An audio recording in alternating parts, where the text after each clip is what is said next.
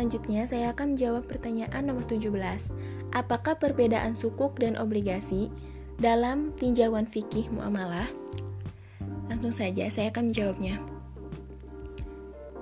Sukuk dalam fatwa DSN MUI nomor 127 tahun 2019 yaitu efek syariah berupa sertifikat atau bukti kepemilikan yang mewakili kepemilikannya atas aset baik yang berwujud tertentu atau tidak.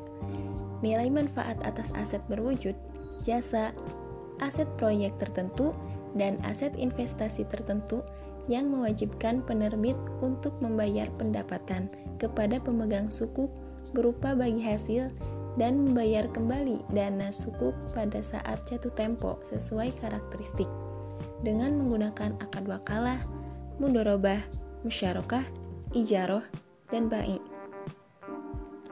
Sedangkan obligasi menurut fatwa DSN MUI nomor 32 yaitu penerbitan surat berharga jangka panjang berdasarkan prinsip syariah yang dikeluarkan dan mewajibkan emiten untuk membayar pendapatan kepada pemegang obligasi syariah sebagai bagi hasil serta membayar kembali obligasi pada saat jatuh tempo dengan menggunakan akad mendorobah,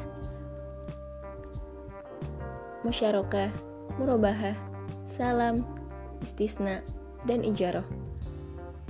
Akan tetapi, surat berharga yang diterbitkan tidak boleh berupa hutang yang pembayarannya berdasarkan bunga, karena hal tersebut bisa e, tidak diperbolehkan dalam syariat Islam karena dapat merugikan orang lain. E, sekian yang bisa saya jelaskan. Terima kasih.